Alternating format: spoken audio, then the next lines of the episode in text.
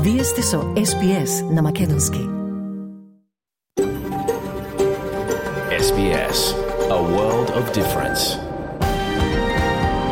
You're with SBS Macedonian on mobile, online, and on radio.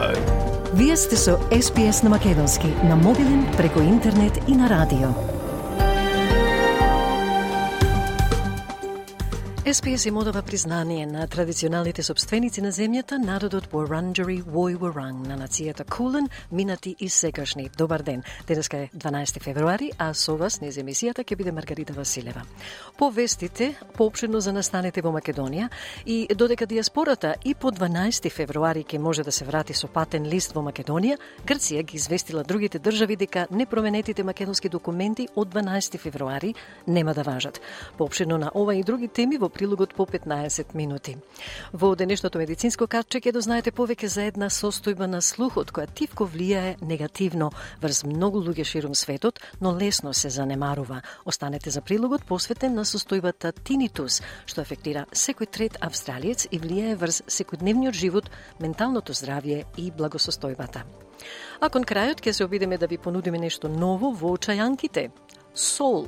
Дали сте вкусиле чај со сол? Контроверзен предлог за австралиските чајджи, но нешто што се прави повеќе илјади години. И за која велат го подобрува вкусот на чајот. Следува билтенот вести со Радица Бојковска Димитровска Радица повели. Благодарам Маргарита, добар ден и од мене. Во денешниот билтен преглед откри дека компании осомничени за мито и перење пари обезбедиле значителни владини договори преку австралискиот офшор систем за обработка.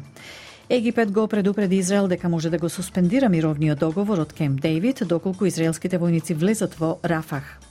Хаос се очекува за патниците на регионалните патишта и железнички линии во Викторија во текот на денот поради штрајк на вработените во V-Line. И од денеска, 12 февруари, престануваат да важат македонските патни исправи лични документи со името Република Македонија. Диаспората и по 12 февруари ќе може да се врати со патен лист во Македонија. Слушајте не. Преглед откри дека компании осомничени за мито и перење пари обезбедиле значителни владини договори преку австралискиот офшор систем за обработка. Министерката за внатрешни работи Клеро Нил го објави извештајот на поранешниот шеф на ACO Денис Ричардсон, кој што го оцени како извонреден документ во кој е покажана една деценија на склучување договори меѓу Оделот за внатрешни работи за време на Питер Датон, кога стотици милиони долари биле потенцијално префрлени во компании што ги користеле тие пари за криминални престапи, вклучувајќи трговија со дрога, трговија со луѓе, субверзија на санкциите против Иран и друго. Сега овој извештај покренува некои многу важни прашања за Питер Датон, рече министерката Онил. Janice Richardson's review is released by our government today and it is an extraordinary document. This extraordinary doc document dictates a decade of uh, contracting between the Home Affairs Department under Peter Dutton, which saw hundreds of millions of dollars potentially funneled into companies which were using that money to undertake criminal wrongdoing. We are talking here about things like the trafficking of drugs, the trafficking of human beings, uh, the subversion of sanctions against Iran and other criminal activities. Now, this report raises some very important questions for Peter Dutton. This is a system that he set up under the Home Affairs Department. Прегледот не најде докази за вклученост на министрите во процесирање на регионалните договори или одлуките за собствеништво. Сојузната влада вели дека од работодавците се очекува да бидат логични кога ги применуваат реформите на работното место за така нареченото право на исклучување. По критиките според кои реформите може да донесат крај на флексибилните работни аранжмани, Сојузната министерка Тања Плиберсек изјави за Seven Sunrise дека законите се со цел да се осигура дека вработените не се на повик 24 часа на ден. Опозицијата вели дека ќе ги укине реформите на работното место доколку коалицијата се врати во владата. Откако одлучи да не гласа против амандманите според кои прекршувањето на реформите е кривично дело. Сојзниот пратеник Мет Тисл вели Тислтвајт вели дека опозицијата доби одбила да до, дозволи разумни амандмани на тој закон во Сенатот минатата недела, но дека оваа недела владата ќе направи поправки во легислативата и поместување на тие амандмани.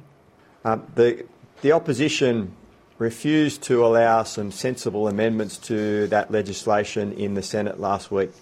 When the government attempted to move amendments that removed penalties from that legislation, the opposition refused to grant leave to the government to move those amendments.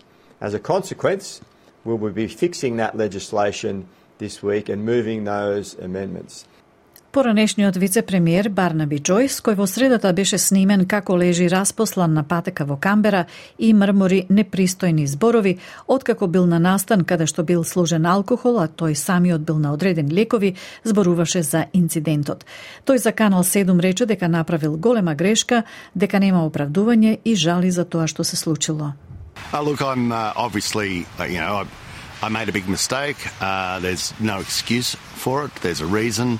And um, you know, this a, a, very eventful walk home, wasn't it? So anyway, that's uh, um, you know, I should have followed the. I, I'm on a prescription uh, drug, and they say certain things may happen to you if you drink, and they were absolutely 100% right. They did.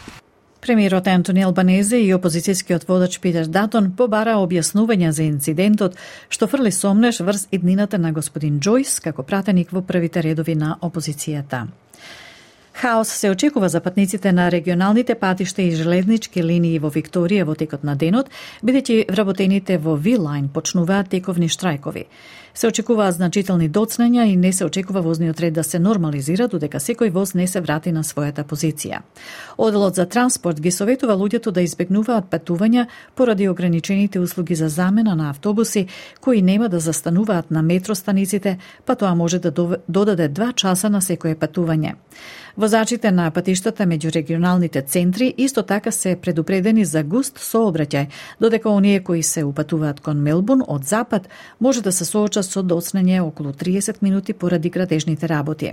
Главните точки во спорот со V-Line вклучуваат плата и заштита на работните места. Египет предупреди дека може да го прекине мировниот договор со Израел доколку израелските војници влезат во густо населениот пограничен град Рафах во Газа. Заканата беше упатена откако премиерот Бенџамин Нетанјаху оцени дека испраќањето војници во Рафах е необходно за да се добие 4 месечната војна против Хамас. Над половина од 2,3 милионското население на Газа побара за солниште во Рафах, во преполните огромни шаторски кампови и за солниште управувани од Обединетите нации во близина на границата. Господин Нетанјаху изјави за американската мрежа ABC дека цивилите во Рафах би можеле да побегнат на север во областите што се исчистени од израелската армија. Well, Rafah is a, is a very small percentage of uh, Gaza, and I think it's about 10% or 15%. I mean, the estimates were there. area north of Gaza that has already been cleared. No, well, the, the areas that we've cleared north of Rafah are uh, plenty of areas there, but uh, we are working out a detailed plan to do so. Од денеска 12 февруари престануваат да важат македонските патни исправи и лични документи со името Република Македонија. Грчкото Министерство за надворешни работи веќе писмено ги известило колегите министри и другите меѓународни организации дека патните исправи на Македонија од 12 февруари, кога се активира обврската од преспанскиот договор, што ја презеде македонската влада, мора да ја содржат географската одредница Северна. Последната информација од Министерството за надворешни работи е дека македонските државјани затекнати во странски земји, кои по 12 февруари треба да се вратат во Македонија, тоа може да го направат со патен налог преку амбасадите, но и на самите аеродроми. По 12 февруари за патување во странство, пасошите мора да бидат со новото уставно име, а во последен момент беше соопштено дека мора да се менуваат и сообраќајните дозволи. Од утре, 13 февруари, ќе важат само возачките дозволи со името Република Северна Македонија, соопшти Министерството за внатрешни работи. Според соопштението отаму, доколку некој управува возило и има возачка дозвола со старото уставно име, ќе биде казнет. Задолжителни се и регистра... регистарските таблици со кодот НМК. Стотици демонстранти се собраа во центарот на Атина за да се спротивстават на нацрт законот за истополови бракови во Грција, за кој парламентот треба да гласа оваа недела. Повеќе од 1500 луѓе се собраа на протестот организиран од религиозни групи, при што многу од присутните скандираа тргнете ги рацете од нашите деца. Грчката конзервативна влада го спонзорира нацад законот, но ќе бара гласови од центристичките и левичарските опозицијски партии за да се оформи одобри реформата. Димитрис Нациос е лидер на екстремно десничарската партија Ни Ики, која се противи на истополовите бракови. Тој вели дека Грција е христијанска православна земја и дека традицијата не го дозволува тоа. Greece is a Christian Orthodox country, and our tradition does not allow this. We know and respect one type of marriage, the Orthodox Christian wedding. Our constitution also does not provide for this, so this bill is unconstitutional and runs counter to our faith in Christ. Доколку нацрт законот биде одобрен, Грција ќе стане првата мнозински православна земја што ќе ги легализира истополовите бракови. Учениците во основно училиште во југозападен Сидне оваа недела почнуваат да учат од дома, откако на теренот на училиштето беше откриен азбест. Учениците во тоа училиште учат од далечина денеска и јутре вторник, 13 февруари, по потврдата на извештајот кон крајот на минатата недела дека фрагменти од азбест биле пронајдени во земјиштето надвор од училиштето. Управата за заштита на животната средина на Нов Јужен Велс соопшти дека работи 24 часа на ден за да се осигура безбедноста на училишната заедница. Рециклирано ѓубриво од истиот добавувач, кое што содржи азбест, беше пронајдено и на други локации ни Сиднеј неодамна, вклучително и локации поврзани со дел од патот Розел Interchange. Овие места исто така мораше да бидат превремено затворени. И во спортот најдобрата австралиска кошаркарка во историјата Лорен Джексон се повлече од меѓународната должност. Австралиската женска селекција Opals се пласираше на кошаркарскиот турнир на Олимпијадата оваа година по победата над Германија во Бразил со 85 поени спрема 52. 42 годишната Джексон настапи на тој надпревар, но вели дека нема да биде дел од тимот за Олимпијадата во Париз. Таа вели дека е соодветно да го одигра својот последен надпревар за Австралија во Бразил, каде што беше дел од победничката кампања на Опелс на светското првенство во 2006 година.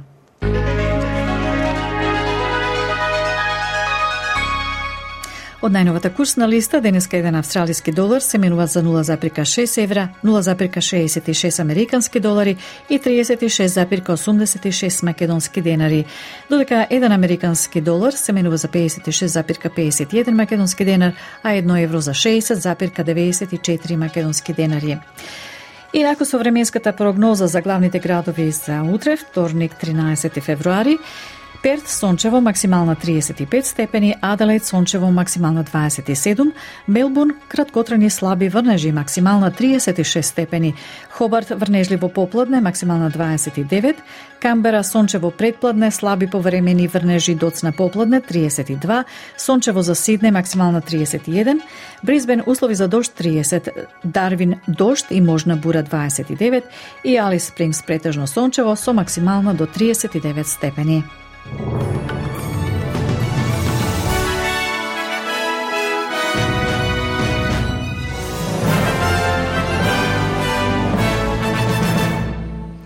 Благодарам Радица. Денешниот билтен вести на SBS со Радица Бојковска Димитровска ќе биде достапен на нашите веб и фейсбук страници малку подоцна во денот заедно со комплетната програма.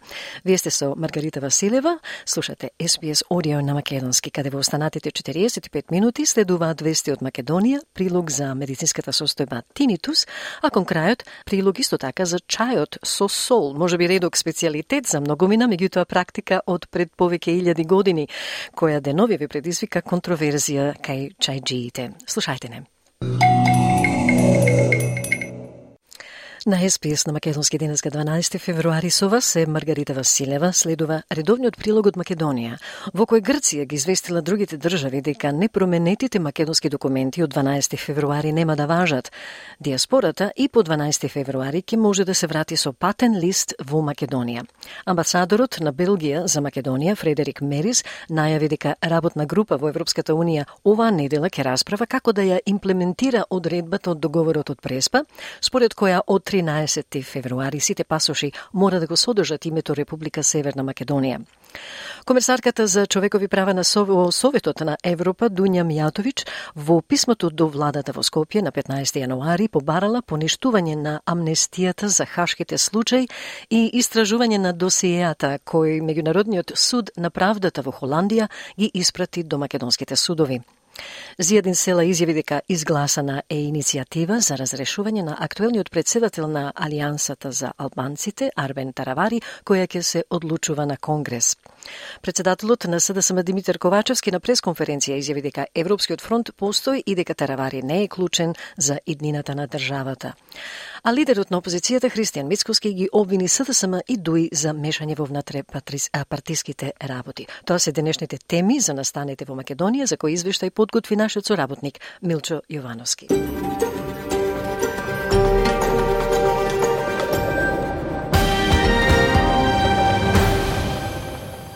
Грчкото МНР писмено ги известило колегите министри и други меѓународни организации за врската за патните исправи на Македонија, дека од 12 февруари мора да содржат Северна. МНР на Грција со официјален допис до надлежните министерства го активирал договорот од Преспа. Во директивата што ја добиле министерствата се подсетува дека од 12 февруари е истечен петгодишниот технички преоден рок. Последната информација од МНР е дека нашите државјани затекнати во странските земји, кои по 12 февруари треба да се вратат во Македонија, тоа може да го направат со патен налог преку амбасадите, но и на самите аеродроми. По 12 февруари, за патување во странство пасошите мора да бидат со новото уставно име, а во последен момент беше сообщено дека мора да се менуваат и собраќајните дозволи. Од 13 февруари ќе важат само возачките дозволи со името Република Северна Македонија, соопшти Министерството за внатрешни работи. Поред сообщението од таму, доколку некој управува возило и има возачка дозвола со старото уставно име, ќе биде казнет. Задолжителни се регистарските таблици со кодот НМК. Оние граѓани кои имаат со стариот код МК може да ги заменат со нови или пак да стават на лепница. Новите таблички заедно со нова собрекајна дозвола чинат 2336 денари, а на лепниците се бесплатни. Ни граѓаните може да ги подигнат во станиците за технички преглед.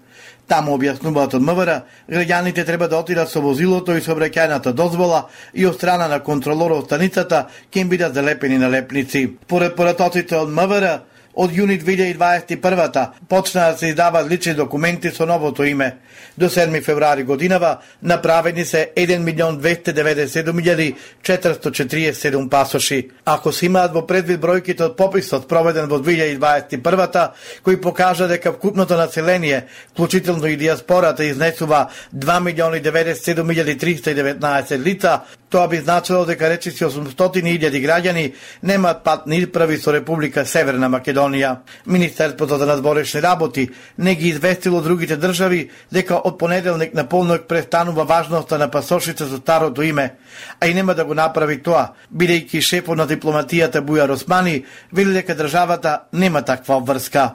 А дали државата ќе им ги рефундира парите на граѓаните, чии пасоши имаат рок, но им прекинува важноста, поради 12 февруари, Османи најавиот и во вторник, 13 февруари, за тоа ќе информира техничкиот пример Тала Джафери. Тогаш се очекува да има владина селница. Личните карти со старото уставно име ќе важат за домашна употреба.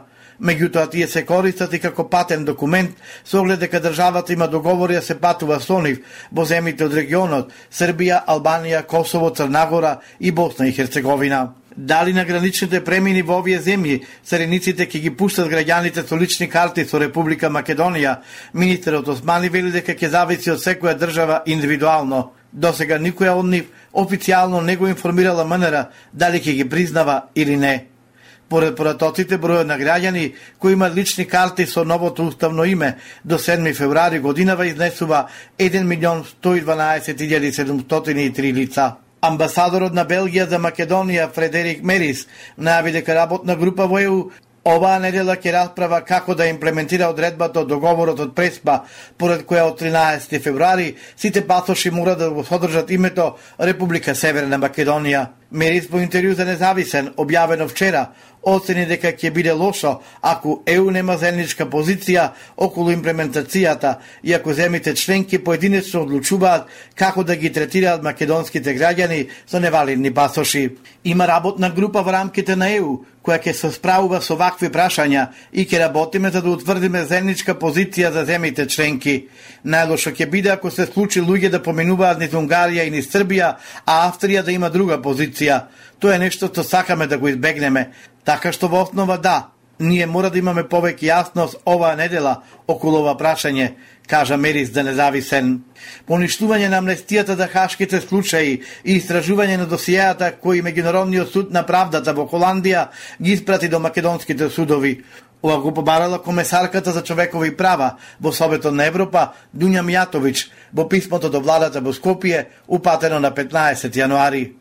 Танвел за четири случаи насловени како водство на ОНА, Липковската брана, гробницата непроштено и мавровските работници. Пратениците на ВМРО ДПМН и на ДУИ во 2012 година со гласање за автентично толкување на законот за амнестија од 2002 одлучија да престане кривичното гонење на одговорните за четирите случаи. На СБС слушате вести од Македонија. Викендо беше покрената иницијатива за разрешување на лидерот на Алијансата албанците Арбен Таравари, која најави неговиот политички опонент Зијадин Села, кој свика Централно собрание. Села на прес најави одржување на партиски конгрес, кој треба да се одржи на 18 февруари, а на кој ќе се гласа за разрешување на Таравари. Чекавме да дојде председателот на партијата господинот Таравари, таму каде што припаѓа и каде што му е местото, а тоа е во ова Централно собрание како највисок орган помеѓу два конгреси, не дојде да се оди на конгрес кој ќе се држи на 18 февруари и каде што ќе се одлучува за иницијативата која го донесе Централното собрание на Алијансата за албанците, а тоа е разрешување на председателот на партијата господинот Таравари, поради грубо кршење на статутот на партијата Партијата ја прават луѓето и идеологијата. Судот ќе одлучи кој ќе води Алијанса за албанците, изјави председателот на Алијанса Арбен Таравари. Расколот од започна по одлуката на Таревари за опозицијско престрување, додека крилото на села останува дел од владачкиот фронт. Европскиот фронт за кој се залагаме постои и тоа се гледа на дело. Не можеме европската интеграција на државата да ја ограничиме на тоа дали господин Арбен Таревари поминал од власт во опозиција, изјави пред новинарите председателот на СДСМ и екс-премиер Димитар Ковачевски. Ја не сметам дека Таравари е толку судбоносен за иднината на државата. Сепак се работи за политичар од Гостивар, кој што е успешен доктор, кој што прави своји политички калкулации и еквилибристики, меѓутоа еднината на државата не може да зависи од еден човек или од една политичка партија. Ова е сепак обштествен процес. И јас ќе ви кажам нешто. Без социјалдемократскиот сојуз на Македонија нема Европска Македонија. Ние не се мешаме, седиме настрана, бидејќи непримерно е тоа што го прават СДСМ и ДУИ, кои директно се вклучени во вклучувањата во Алијанса на албанците, изјави за медиумите председател на ВМРО ДПМН Христијан Мицковски. Ние не се мешаме, седиме на страна затоа што непримерно е тоа што го прават СДСМ и ДУИ, директно се вклучени во вклучувањата во Алијанса на албанците. Наистина сум шокиран од таквото однесување по страна на првенците на предсе на Демократската унија за интеграција и, и СДСМ, но тоа е нивна работа. Ние како што не сакаме никој да се меша во трешните работи на ВМРО да ДПМН, така и ние не сакаме да се мешаме во внатрешните работи на политичките партии. Српскиот председател Александар Вучич од Нью-Йорк, каде што присутствуваше на состанокот на Советот за безбедност, рече дека Курти сака да владее и со Македонија. Тој кажа дека Курти сакал да се кандидира, да го победи Ахмети и да владее по мајските избори. Вучич и Ахмети при известно време се сретнаа во Охрид во контекст на самитот Отпорен Балкан. Тоа беше извештајот на Милчо Јовановски за 12 февруари, а за поголем избор прилози и интервјуа посетете ја нашата Facebook страница SPS Macedonian или нашата веб страница sps.com.au Macedonian. Таму ќе најдете и видеоклипови од разните настани во македонската заедница. По неколку информативни пораки од SPS, драги слушатели, ќе преминеме и на прилогот посветен на состојбата тинитус, од која страда секој трет австралиец, а за крај нешто ново за оние кои немаат вкусено чај со сол. Практика стара повеќе илјади години. Останете со нас. На SPS Audio со вас е Маргарита Василева. Продолжуваме со актуелности од Австралија. Една состојба на слухот тивко има значително негативно влијание врз многу луѓе ширум светот, но лесно се занемарува. Со оглед на тоа што секој трет австралиец живее со одреден степен на тинитус, состојбата може да влијае врз многу аспекти од секојдневниот живот, како и врз менталното здравје и благосостојбата. Иако механизмите за справување се достапни, експертите велат дека во тек е истражување за да се најде потрајно решение. Подетално од извештајот на SPS од Омобело, што на македонски го подготви Радица Бојковска Димитровска. Какво би било чувството да се седи надвор навечер и да не се слуша ништо? Тоа е желбата на секој пациент со тинитус, но таа едва и некогаш се реализира – Тинитус, често опишуван како зуење во ушите или главата, е перцепција на звук без надворешен извор на звук. Тинитусот може да биде постојан или повремен, гласен или мек, благ или тежок и може да се слушне во едното или двете уши или во главата. Состојбата која што може да биде изолирано и вознемирувачко искуство, може да ја влијае на луѓето од сите возрасти и потекла. Сепак, доктор Метју Рекугнат, истражувач на слухот и основач на Mind Ear, алатка за управување со тинитус, вели дека состојбата е почеста кај постарите луѓе. It's pretty varied. I don't think there is a specific age at which it happens, but uh, it's most prevalent for people that are getting older because there is a high correlation between hearing loss and tinnitus. So the more you get older, the more your hearing is declining, the more you're likely to have some sort of tinnitus. And so the, we see the prevalence being increased when you're getting a little bit older. But it can happen also to younger people when they are exposed to noise, uh, let's say, you know, going to concerts or listening to music too loud for too long. That can also be happening at that stage. Истражувањето на Фондацијата за здравје на слухот открива дека речиси половина од луѓето над 75 години и приближно една третина од оние на возраст од 64 до 75 години имаат губење на слухот. Но доктор Кейтлин Бар, главна и извршна директорка на добротворната организација за слух Sound Fair, вели дека тинитусот станува се поприсутен кај младите луѓе, особено кај оние од 18 до 35 години. Но може да се случи кај сите возрасти, никој не е имун на тоа, нагласува доктор Бар. We do have this really concerning shift where young people, so 18 to 35, it's, it's becoming increasingly common. And that's really around that age group where people are enjoying music and enjoying sound, and now we can listen to it, you know, in our direct to our ears all day, every day. And so it can it can happen at any age. No one is immune.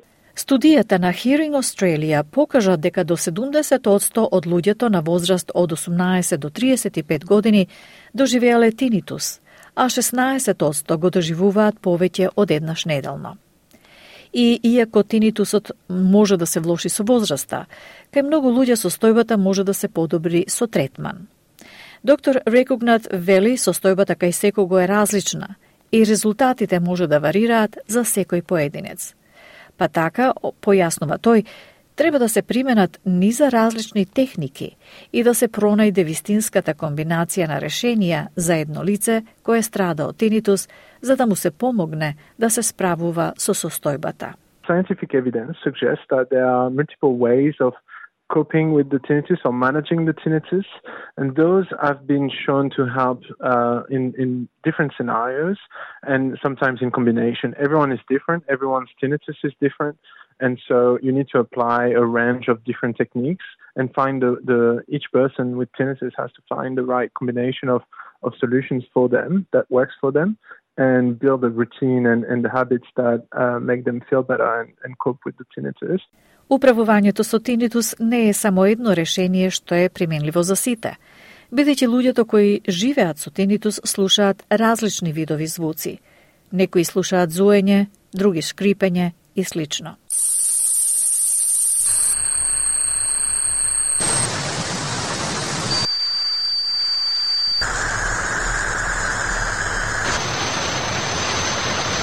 Во Австралија 30% од населението живее со тинитус. За 15 до 20 проценти од сите луѓе, состојбата предизвикува вознемиреност и значително влијае на нивниот живот, нивното ментално здравје и нивната способност да функционираат во секојдневните задачи. Викторија Диденко, која живее со тинитус во последните 10 години, вели дека може да се справи, но дека навистина не е лесно – кога и се појавил тинитус, почнала да страда од тешка депресија и анксиозност, бидејќи тоа е, како што опишува, како чешма да капе среде ноќ. Звук што постојано е тука, што сакаш да го исклучиш, а не можеш. I mean, it's manageable, but it really isn't easy. And when I first had my tinnitus onset, um, I struggled with severe depression and anxiety because it's it's like a dripping tap in the middle of the night. It's constantly there. You just want to be able to turn it off, but you can't. Доктор Ема Лерт, која ја предводи иницијативата Tinnitus Australia и која и самата е болна од оваа состојба, вели дека тинитусот може да биде предизвикан од различни фактори и се должи на нешто што се случува или во системот за слух, или пак во случајот на така наречен соматски тинитус – може да се случи кога лицето има проблеми, на пример, во вилицата или во вратот, што е поврзано со мускулите или скелетот. There's lots of different reasons that we can get tinnitus. So most of the time it will be due to something happening in the hearing system, so whether that's hearing loss, and that will be for most people the cause of tinnitus. The other big type is something called somatic tinnitus. And that can happen if we've got issues, say, in our jaw or in our neck, something physical um, going on with the muscles or the skeleton. Господица Диденко вели дека и незината мајка и незината баба имале губење на слухот и дека тоа може би довело до незината диагноза. Но експертите велат дека нема јасен доказ дека тинитусот е генетски. 45% од луѓето со тинитус доживуваат депресија – и луѓето со вознемирувачки тинитус чувствуваат дека нема спас и имаат самоубиствени мисли. Господица Диденко, на која и бил диагностициран тинитус на 55 годишна возраст, вели дека има постојан шум во ушите и дека вибрациите на звонењето стануваат толку високи, што е придружено од пулсирачки одчукувања, како што се одчукувањата на срцето што значи дека има вистинска какафонија од звуци во незината глава и дека успева никако да се справи благодарение и на семејството кој дава подршка, но дека е предизвикувачко и воопшто не е лесно. I have constant noise. It's on all the time. I have a feeling of heaviness in my ears and I want to keep popping my ears and the vibration of the ringing, it's a very high pitched sonic ring, has now uh, been accompanied with a pulsatile beat, like a heartbeat. I can hear boom, boom, boom, boom in the in the left ear now as well to add to the high sonic ring in the right ear. So there's quite a cacophony of sounds going on in my head. It's not easy to live with. I'm not going to make light of it. I do struggle with it. Um, I have a, a, a very supportive family and husband. I get on with it, yes. I manage it, I cope, but it isn't easy. It's challenging. Околу 2 од 100 од австралијците сметаат дека нивниот тинитус е многу вознемирувачки Истражувачот на слухот, доктор Матије Рекугнат, вели дека иако не постои лек за тинитус, има неколку начини да се справите со него. Едниот начин е звучната терапија, која што користи звуци од природата или музика, за да може лицето преку нив да го отвлече вниманието на мозокот од постојаното зуење во главата.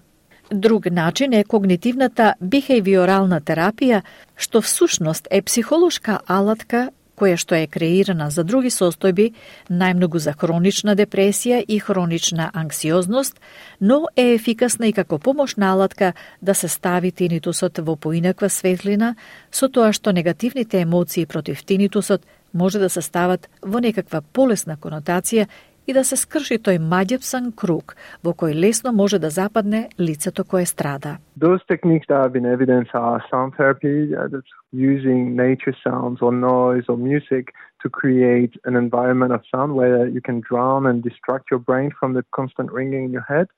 The second one is cognitive behavioral therapy, and that's a, a, psychological toolkit that has been developed for other conditions and mostly for chronic depression and chronic anxiety. But when it's made to fit more into the scope of tinnitus, it's really, really effective at helping because it helps put the tinnitus into a different light so you can challenge your emotions and thoughts that are often negative against opportunities and put them into a more brighter light and break the vicious cycle in which you can get when you have tinnitus.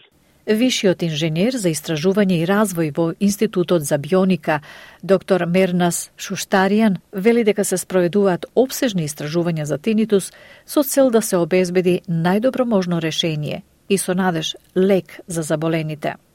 И подсетува дека секој кој страда од оваа состојба би требало да има верба дека има работи што може да се направат и дека има напредок.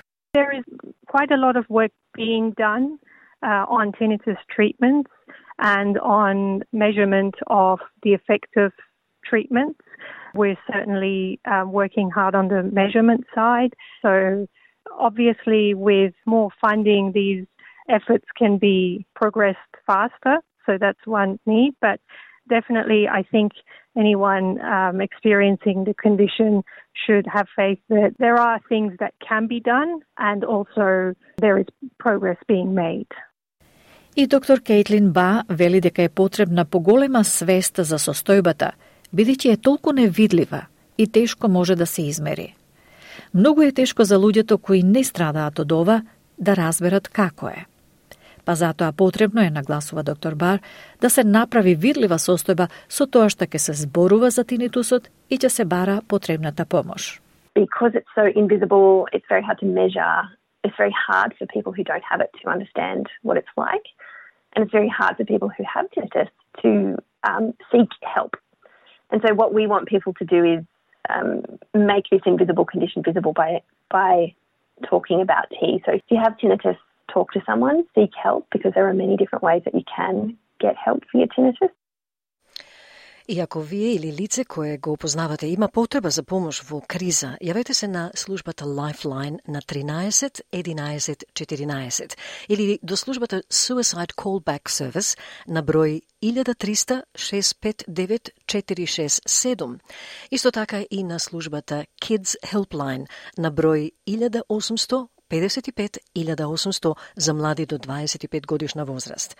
Повеќе информации и поддршка за менталното здравје може да се добијат исто и на beyondblue.org.au веб страницата, а исто така на телефонскиот број 1322 46 36. Тоа се денешните содржини на македонски на SPS Audio кои ќе бидат достапни подоцна во денот на нашите веб и Facebook страници, а за прашања или коментари во врска со програмата, драги слушатели, оставете порака на нашата Facebook страница. После уште една порака од SPS ќе го слушнете и прилогот за чајот со сол. Австралиските чајджи реагираат на контроверзниот американски професор кој предлага топлиот пијалок да се вари со сол. Идејата беше на широко отфрлена од традиционалистите за чај, но некои експерти за чај велат дека употребата на сол во чајот постои и лјадници години, известува Сам Дова за SBS. SBS. SBS. SBS. SBS. SBS. SBS Radio. Oh my gosh. I feel Hang on, I need to have another sip. They taste surprisingly similar. Uh, I didn't actually notice that it had salt in it, uh, so I'm not sure whether that's improved the flavour or not, but the concept seems weird. I think I'd be open to it because it, it did taste really nice. Like it didn't taste bad or anything. I feel like I'd maybe I will like consider putting a pinch of salt in my tea in the future. Ги слушнавте мислењата на неколкумина кои за прв пат вкусија чај варен со сол. Некои од кои би можеле да го пијат чајот со сол, а други пак не можеа да приметат разлика. Овие австралиски пијачи на чај се од најновата група кои го нудат својот глас во услови на растичка контроверзност во светот на топлите пијалоци. Професорка од Соединетите Американски држави беше и критикувана и пофалена широм светот за незините ставови за идеалната шолја чај. Незината тајна состока е солта. Професорката Мишел Франкл, хемичар од коледжот Брин Мо во Пенсилванија, изјави за англискиот CBC дека го проучувала занаето за правење чај и верува дека ја нашла совршената формула. Таа вели прочитала 500 трудови, испила 400 шолји чај, пробала секакви експерименти во собствената кујна и незината совршена шолја чај започнува со црн чај во опаковка, обично убавиот English breakfast tea, а потоа користи врела вода и го остава 4 минути да се натопи. Таа мала количина сол го прави чајот помалку горчлив, вели Франкел. read 500 papers, drank 400 cups of tea, um, tried all sorts of experiments in my kitchen. My perfect cup of tea starts with loose tea, black tea, usually a nice like English breakfast, and then use boiling water and I let it steep for four minutes. That little pinch of salt makes it, you know, less bitter. My perfect cup of tea. Вклучувањето на таа последна состојка создаде возбуда и контроверзии, главно од Обединетото кралство, каде што традиционалистите на чајот не беа премногу задоволни од предлогот.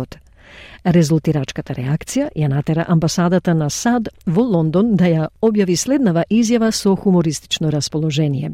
Цитат, денешните медиумски извештаи за рецептот на американски професор за совршена шолја чај ја втури нашата посебна врска со Обединетото кралство во топла вода, Сакаме да ги осигураме добрите луѓе на Обединетото кралство дека незамисливата идеја за додавање сол на британскиот национален пиелог не е официјална политика на Соединетите држави и никогаш нема да биде. Амбасадата на САД ќе продолжи да прави чај на правилен начин во микробранова релна. Затворен цитат. Today's media reports of an American professor's recipe for the perfect cup of tea has landed a special bond with the United Kingdom in hot water. We want to ensure the good people of the UK that the unthinkable notion of adding salt to Britain's national drink is not official United States policy and never will be. The US Embassy will continue to make tea in the proper way by microwaving it. Но некои љубители на чај со право истакнаа дека солта во чајот не е нова традиција. David Lyons е основач на Друштво за чај, Australian Tea Cultural Society. Непрофитно друштво кое сака да ја шири свеста за придобивките и задоволствата од пиењето чај. Тој вели дека луѓето широм Источна Азија користеле сол во варењето на чај уште во 8 век. Лајнс вели пред две недели бил во Кина, каде бил поканет во чајджилница од династијата Танг, каде беше послужен чај во стилот на династијата Танг со сол. И во Монголија, вели Лајнс, имаат сутеј чај, кој е млечен вид на чај и кој има сол во него. На Хималаите, места како Непал или Бутан, пијат чај од сол. Солта е само засилувач на вкусот, па ако ја додадете на нешто, ќе го подобрите вкусот, изјави Лајнс. Tea with salt has been around for, you know, thousands of years. I was in China two weeks ago and was invited to a Tang Dynasty tea house and was served Tang Dynasty style tea. In that tea was salt. In Mongolia, you know, they, they have the chute which is their milk tea, and that has salt in it. In the Himalayas, places like Nepal or Bhutan, they drink salt tea. Remember that salt is just a flavour enhancer, so if you add it to anything, it will improve the flavour. Но за многумина солениот додаток се уште е малку тешко да се проголта. Сонил вели дека пораснал со љубители на чај во домот, но тие никогаш не би помислиле да посегнат по сол, при што потекнува од индиско семејство, во кое се пие многу чај со килограми кардамон, ѓумбир и малку шекер. Тој вели не би помислил да стави сол во чајот. Tea with salt has been around for, you know, thousands of years. I was in China two weeks ago and was invited to a Tang Dynasty tea house and was served Tang Dynasty style tea. In that tea was salt. In Mongolia, you know, they, they have the Chute Sha, which is their milk tea, and that has salt in it. In the Himalayas, places like Nepal or Bhutan, they drink salt tea. Remember that salt is just a flavour enhancer. So if you add it to anything, it will improve the flavour. Being from an Indian family, we used to drink a lot of uh, chai, so, you know, boiling with uh, cardamom pounds, ginger, that sort of thing, a fair bit of sugar. I wouldn't think to put salt in it, no. I mean, I put a lot of different things. I've had tea with honey, I've had tea with uh, monk fruit, but no, I, I wouldn't think about salt. That's not that's not the flavor profile you think of with tea. Хана, која помина голем дел од својот живот во Јапонија, вели дека заминувањето во странство и помогнало да го цени богатството на традицијата на правење чај. Таа вели се преселила во Јапонија, каде чајот е многу голем дел од културата во уметничка форма, што ја доведе да развие длабока почет кон чајот. I moved to Japan and then like, you know, tea is very much a part of that culture. So then I think my relationship changed and developed and I came to appreciate tea more, maybe in the context of like they have tea ceremony and then I saw tea from starting off as like just like a fun pastime to more of like, oh, this is like more of an art form maybe. Точно е дека тоа е форма на уметност што многумина ја сваќаат сериозно. Друга критика што експертот за чај Дейвид Лајонс ја има во врска со формулата за правење чај на професорката од САД Мишел Франкл е идејата за ставање млеко во шолјата второ по чајот, што тој вели дека е научно неточна бидејќи, според Лајенс, постојат две хемикали кои, кога прво ќе го ставите млекото и кога ќе го турите топлиот црн чај во ладно млеко, всушност има лактоглобулин во млекото и има танини кои се во чајот. И кога топлиот чај влегува во ладното млеко, тие всушност се спојуваат заедно, се соединуваат и се врзуваат еден со друг и тоа создава вкус на путер, Oh, I completely disagree. That's a real shame because scientifically that's completely incorrect because there are two chemicals that when you put the milk in first and then you pour the hot black tea into the cold milk, there's actually lactoglobulin in the milk and there's tannins which are in the tea. And when the hot tea goes into the cold milk, the two actually blend together, they combine, and latch onto each other, and that creates a more buttery flavour. United Nations Food and Agricultural Organization на Обединетите нации го идентификува чајот како најконзумираниот пијалог во светот по водата и дека Австралија служи како совршен пример за вкрстување на различни традиции за правење чај. Покрај нашите мали несогласувања, господинот Лајенс вели дека би сакал да види Австралија да потикне нова и иновативна мултикултурна традиција на чај. Култура на чај што ќе ги одразува мултикултурните и историските основи на Австралија, вели тој, и не само оние на британската чајна култура. We certainly believe that there should be a tea culture that uh, reflects the multicultural uh, and historical foundations of um, of Australia and not just those of a of, of a British uh, tea culture. Тоа беше изјавата на Дейвид Лајнс, основач на Друштвото за чај Australian Tea Cultural Society. SBS на Македонски. Споделете ги нашите приказни на Facebook. Се надевам ви го засладивме расположението со занимливата контроверзија за чајот со сол. А за крај да се подсетиме на и на главните вести на SBS. Преглед откри дека компании осомничени за мито и перење пари обезбедили значителни владени договори преку австралискиот офшор систем за обработка. Египет го предупреди Израел дека може да го суспендира мировниот договор од Кемп Дейвид доколку израелските војници влезат во Рафах.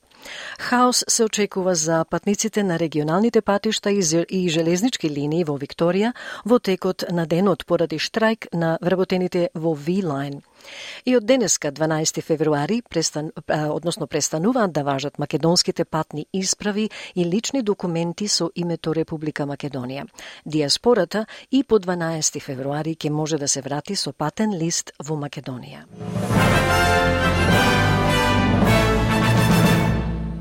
И тоа е се за денеска, почитувани слушатели. Благодарам што бевте со нас во изминатиот час. Ве очекуваме и утре во ист термин, а во меѓувреме за избор прилози, интервјуа и видеорепортажи на разни теми и од разни настани во Македонската седница, посетете не на нашата интернет страница sbs.com.au macedonian и на нашата Facebook страница SPS Macedonian, каде можете да оставите и ваш коментар. Од Маргарита Василева до слушање до утре и се најдобро. Сакате ли да чуете повеќе прилози како овој? Слушате подкаст преку Apple Podcasts, Google Podcasts, Spotify или од каде и да ги добивате вашите подкасти.